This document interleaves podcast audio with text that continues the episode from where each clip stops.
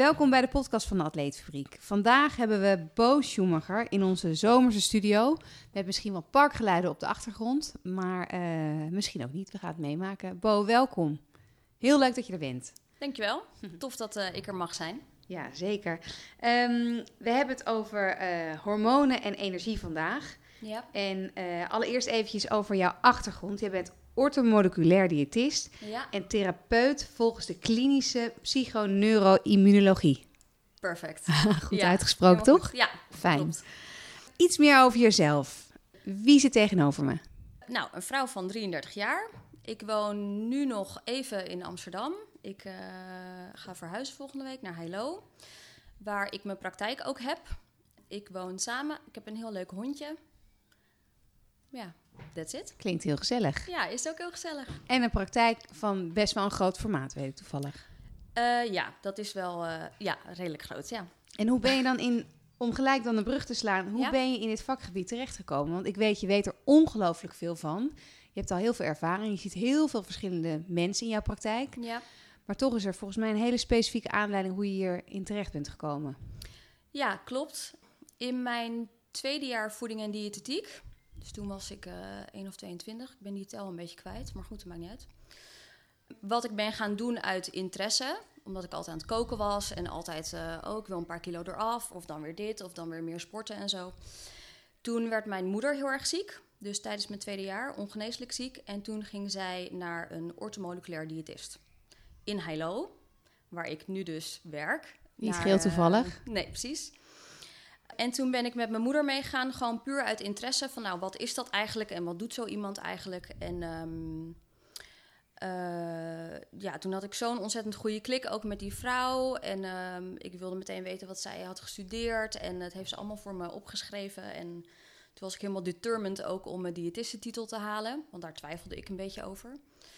Ehm, en toen eigenlijk dat hele pad gevolgd wat zij dus heeft opgeschreven. Dus orthomoleculaire therapie en de psychoneuroimmunologie. En daar ben ik nu een jaar mee klaar.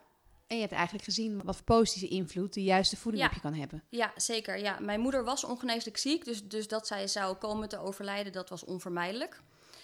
Eh, maar ze had een hele agressieve vorm van kanker waar ze zes maanden voor hadden gegeven ongeveer. En zij heeft nog eh, ruim vijf jaar geleefd. Ook heel, ehm, ja, hoe moet ik het zeggen? Mooie Heel manier. krachtig en Ja. op een hele goede manier. Dus met niet veel pijn en nou ja, dat soort dingen. Ehm, ja, dus dat was, dat was fantastisch. Ja, daar heb ik gewoon ook heel veel van geleerd. Ja, Snap ik. En Ja. we gaan het, eh, om dan toch maar eventjes weer de link te maken met het onderwerp hormonen en Ja. energie. ja, Ehm, voor de mannelijke luisteraars. Dit gaat over eh, stressreductie, wat invloed heeft op de hormoonhuishouding. En dat geldt zowel voor mannen als voor vrouwen.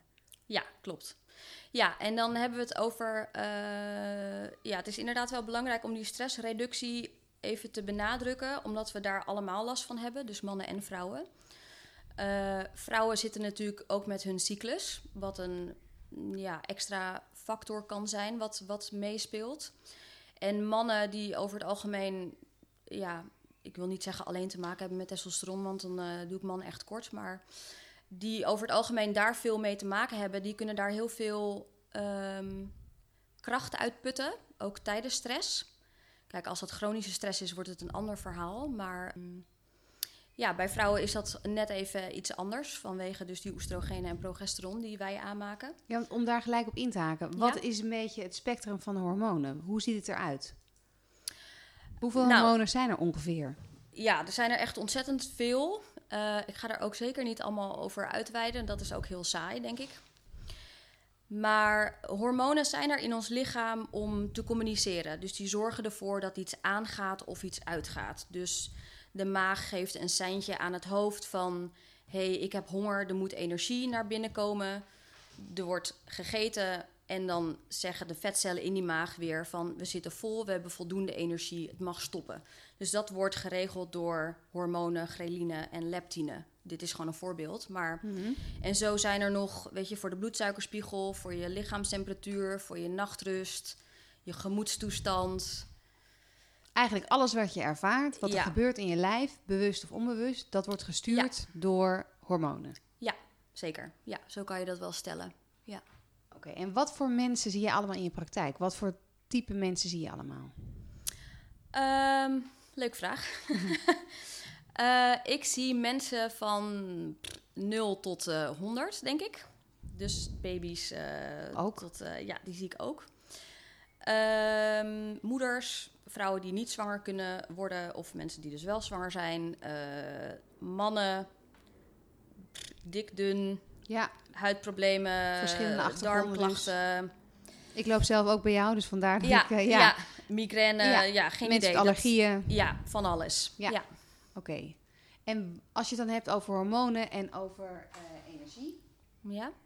Ehm, kan je deze hormonen positief voor je laten werken? Want hormonen hebben op de een of andere manier altijd een soort van beetje een duivels imago. Terwijl eigenlijk kunnen ze Mhm. ook voor je werken. Een beetje Ja. als eh, een, een extra hulplijntje Ja. werken.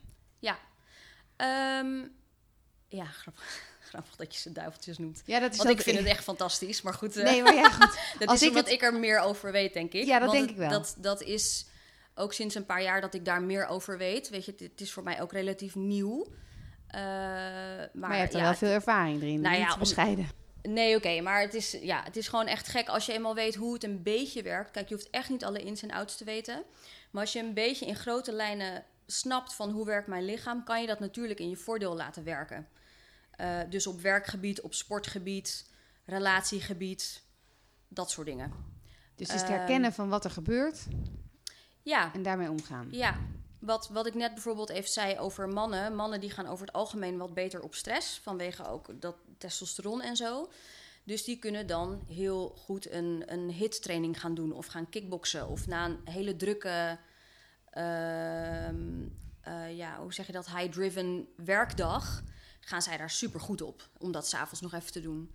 Kijk, een vrouw moet je na een drukke werkdag gewoon niet op een spinningstoel zetten of zo'n fiets zetten.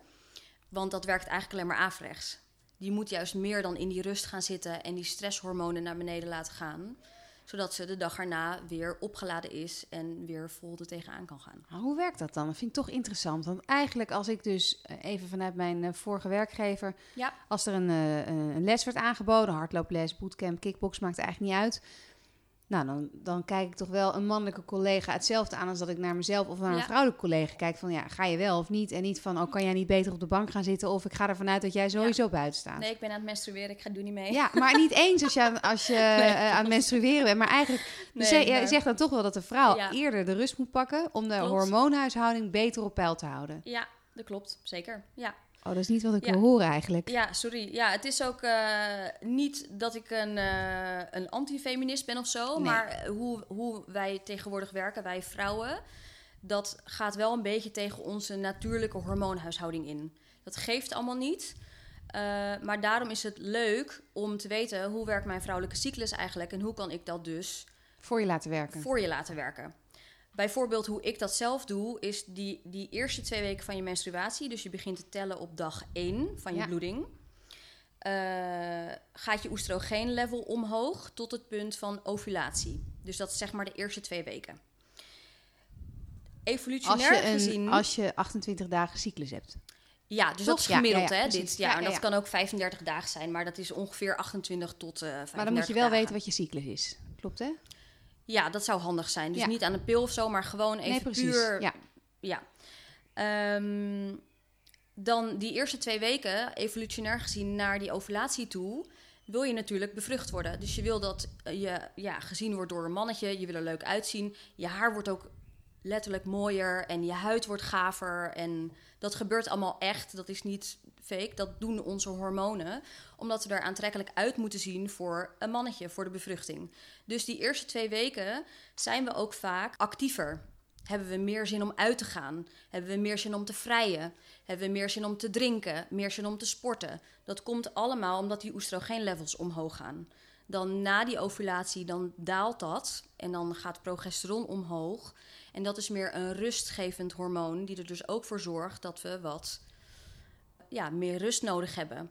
Dus misschien als je je cyclus een keer onder de loep neemt, merk je ook van, oh ja, die eerste paar weken kan ik echt de hele wereld aan. En die laatste twee denk ik een beetje van, hmm, ik heb eigenlijk niet zo'n zin om vanavond die borrel te doen die ik een maand geleden heel leuk had gepland. Maar Dat kan te maken hebben omdat die hormonen verschuiven. Ja, oké, dat klinkt eigenlijk wel heel logisch. En voor mannen geldt dat dus niet. Nee, niet zo. Zijn gelijker. Ja, klopt. Ja, die, ja wij, wij vrouwen die, die fluctueren gewoon veel meer. Elke dag wel. Eh, en mannen minder. Maar mannen die... eh, ik moet het heel eh, correct zeggen. Ik ben benieuwd ik ben bang om, fouten te maken. Maar wij kunnen wat dat betreft echt super veel leren van de man, vind ik. Mannen die doen echt dingen één voor één. Ze hebben een super goede focus. Ja.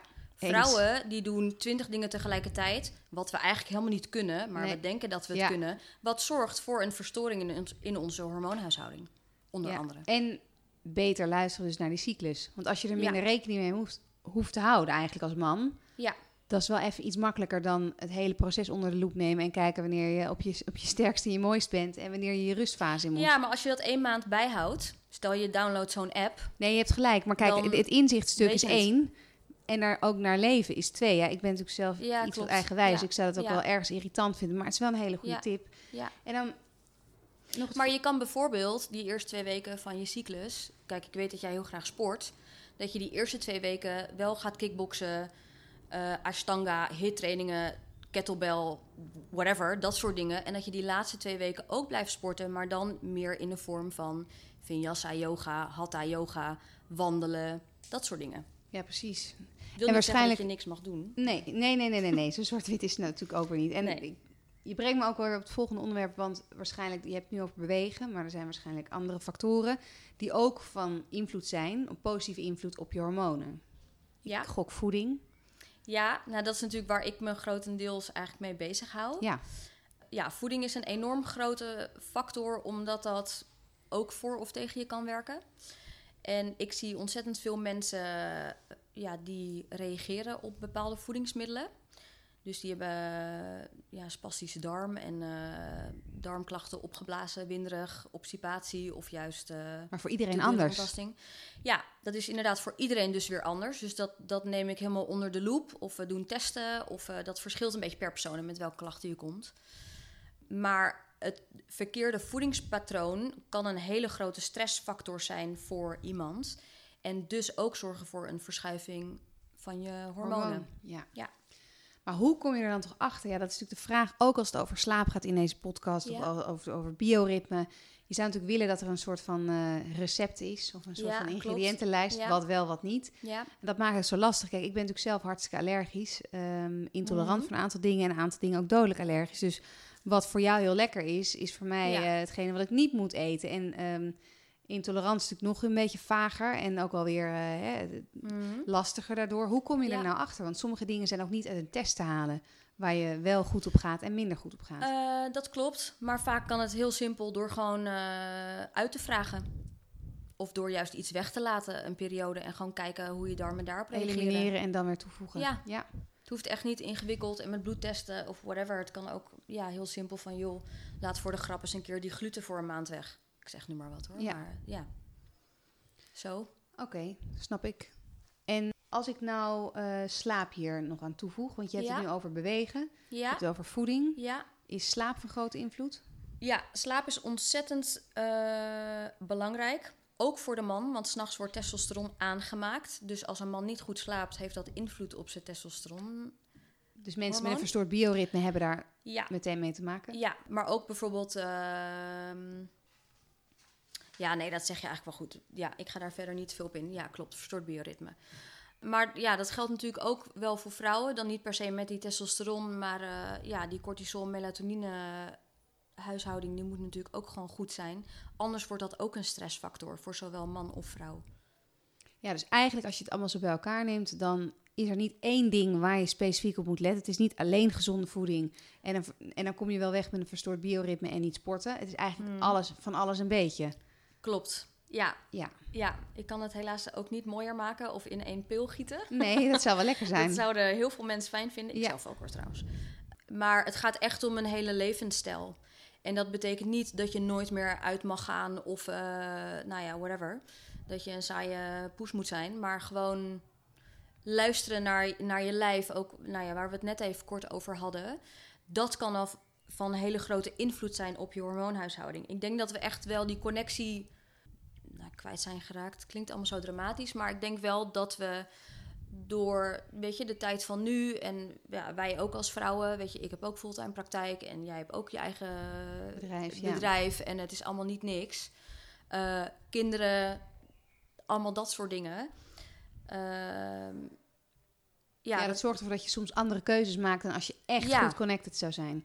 ja, Want ik, we hebben natuurlijk gisteren eh, een van onze consults gehad eh, Ja. over mij persoonlijk. ja, En wat ik nog steeds lastig vind, dat blijf ik mijn leven lang lastig vinden, is dat allergiënstuk. Want er zijn een aantal dingen, ik heb ze inmiddels op een kaartje geprint in Ja. mijn portemonnee zitten, wat echt super makkelijk is bij ik heb jouw kaartje nu ook in mijn portemonnee Ja. zitten.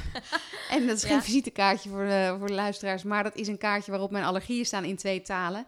En Ja, ehm, slim. ja, maar intolerantie zet ik er bijvoorbeeld niet op, zeg ik er wel bij. Want anders Ja. slaat zo'n hele keuken bij mij, in mijn geval, op tilt. Ja, Ehm, eh, waar ik naar naartoe wil, is die intoleranties die Ja. verschuiven natuurlijk ook zo bij mij. Dus dat is ook waar Klopt. ons gesprek over Ja. ging gisteren. Dat soms het eh, bijvoorbeeld, ik zit even goed naar een goed voorbeeld, eh denk ik hou van tomaten. Maar nachtschade eh, producten zijn voor mij dus echt minder goed. En Mhm. Niet per se heel slecht. Dus ja, advies was gisteren ook, nou matig daar wat mee. En zorg dan niet dat je een bak eh snacktomaatjes eh, voor de helft leeg eh, eet. Maar dat je... ja. of elke dat je- dag. ja, elke Ja. dag. Maar dat je daar echt bewust in wisselt. Ja. Dus je moet een beetje van die automatische piloot af... en wat bewuster kijken naar wat bij je past. Ja, nou, en dat gaat er ook heel erg om. Ik had vanmiddag ook een cliënt die ook een, zo'n intolerantietest heeft gedaan en zo. En op heel veel dingen reageert. En die baalde natuurlijk van, oh my god, ik kan nu helemaal niks meer eten. Ik ook altijd als ik weer iets nieuws heb. Ja, maar dat, dat is ook heel vervelend. Maar eh, dat wil natuurlijk niet zeggen dat je dat nooit meer mag eten. Dus hoe ik het vaak doe, is ik raad iemand aan om de eerste drie maanden vrij strikt te zijn Mhm. op zijn of haar dieet om die darmen met rust te laten. En dus dat immuunsysteem, want dat zit daar ook grotendeels. Om alles rust te geven en te laten helen. En dan kan je af en toe wel weer zo'n tikkie hebben van een tomaat of Ja, een broodje. of eh, Ja. ja, whatever. Maar als dat continu ja, overload heeft En geprikkeld wordt. en geprikkeld wordt, dan kan je op een gegeven moment nergens meer tegen. Want die drempelwaarde gaat gewoon omhoog. Ja, dat is in mijn geval zeker zo. En dat heeft natuurlijk weer invloed op je immuunsysteem, Precies. hormoonhuishouding, energie. En ook je mind uiteindelijk weer. Ja, zeker. Ja. Ja, en ik vind wel ja. complimenten naar jou in ieder geval voor hoe je ermee omgaat. Want zodra ik, gisteren was dat ook zo, zei ja, maar als ik dit niet meer mag eten, dan mag ik eh, dat en dat en dat ook niet meer. Toen zei hij heel droog, nee, het wil niet zeggen als je geen pasta meer mag eten, dan kan je toch glutenvrije pasta? Keek je ze aan en dacht oh ja, grappig, je komt wel, dat zei Sarai in een eh, voorgaande podcast ook, het is niet iets niet meer eten, maar je gaat Ja. het vervangen voor iets anders. En dat is echt een andere Ja. mindset. En soms Ja. heb je daar wat hulp bij nodig. ja. En zoals Wout vaak zegt, ik voeg het iets toe in plaats van dat ik dingen eraf haal. Precies. Ja. Nou ja, dat is, is ook wel echt goed gezegd. Hè? En als iemand eh, zich hierin herkent, wat jij vertelt, en wil eh, hiermee aan de slag gaan, Ja? wat kan diegene dan doen? Waarmee start je dan? Iets kleins. Zon, ja, een afspraak maken bij jou, een consult in de Ja. praktijk, of nou, naar de masterclass wat gaan. ik echt elke vrouw zou aanraden, is om zo'n cyclus-app te downloaden en je cyclus eens bij te gaan houden. En daar kan je ook inzetten hoe je je voelt. Of je bijvoorbeeld hoofdpijn hebt. Of je voelt je juist echt on top of the world. Of weet ik veel. Dat kan je daar allemaal in bijhouden. Dat is super handig. Dat met of zonder temperaturen maakt me dan even niet zoveel uit. Maar dan heb je een globaal overzicht van... hey, hoe werkt dat eigenlijk? Hoe ziet mijn cyclus eruit? En aan de hand daarvan kan je volgende maand dus al het in je voordeel laten werken. En voor mannen? Ja, ik zit even te denken voor, voor mannen. Ik denk dat, dat het voor mannen eh, heel, heel simpel is door met name te focussen op die nachtrust. Want ik denk dat dat echt een... een De eh, basis is. Ja, maar ook heel erg onderschat wordt. Dat dat, dat, dat zo onwijs belangrijk is. Ja. ja en ehm, voor een man denk ik nog meer dan voor een vrouw. Oh, wauw, dat is wel Ja. een inzicht. Want kort Ja. slapen werd vroeger in ieder geval nog gezien als stoer en krachtig. Ja. En inmiddels is dat gelukkig aan het veranderen. Ja, Maar voor de man dus nog een extra... Ja, puntje. dus ik zou als man zijn de echte... Ja, mannen kunnen gewoon meer hebben qua voeding, qua eh werkload, whatever. Wat heel fijn is. Omdat ze minder fluctueren Ja, in die cyclus. maar zij hebben wel echt flink slaap nodig. Ja. Ja, Oké, dus even concluderend, hoe merk je dan dat het werkt? Als je als man, als vrouw, als je als persoon zeg maar ehm, hiermee aan de slag gaat. Mhm. Wat win je er dus mee door gewoon naar je lichaam te luisteren? Nou, je krijgt meer energie. Ja, Ja. eigenlijk gaat het daarom. hè? Ja, ja. en daardoor word je blijer en eh, laat je meer op. Ja, En gelukkiger. floot ja. alles meer. En dus ook ja, gezonder, want dat heeft ook weer invloed op ja, minder stress. andersom weer op je hormoonhuishouding en immuunsysteem, et cetera. Ja. Ja, nou, dankjewel voor alle informatie. We moeten helaas Ja, afronden, want we zijn alweer aan het einde van de podcast Ja. gekomen. Voorbij gevlogen. Ja, maar eh, dit eh, ja, geldt ook voor jouw masterclass die je voor ons geeft. Zo ongelooflijk interessant. Ehm, dank nogmaals voor je komst. Ja, En ik kijk uit naar alle volgende dingen die we samen gaan opzetten. Ja, ik ook. Tof. Dank je.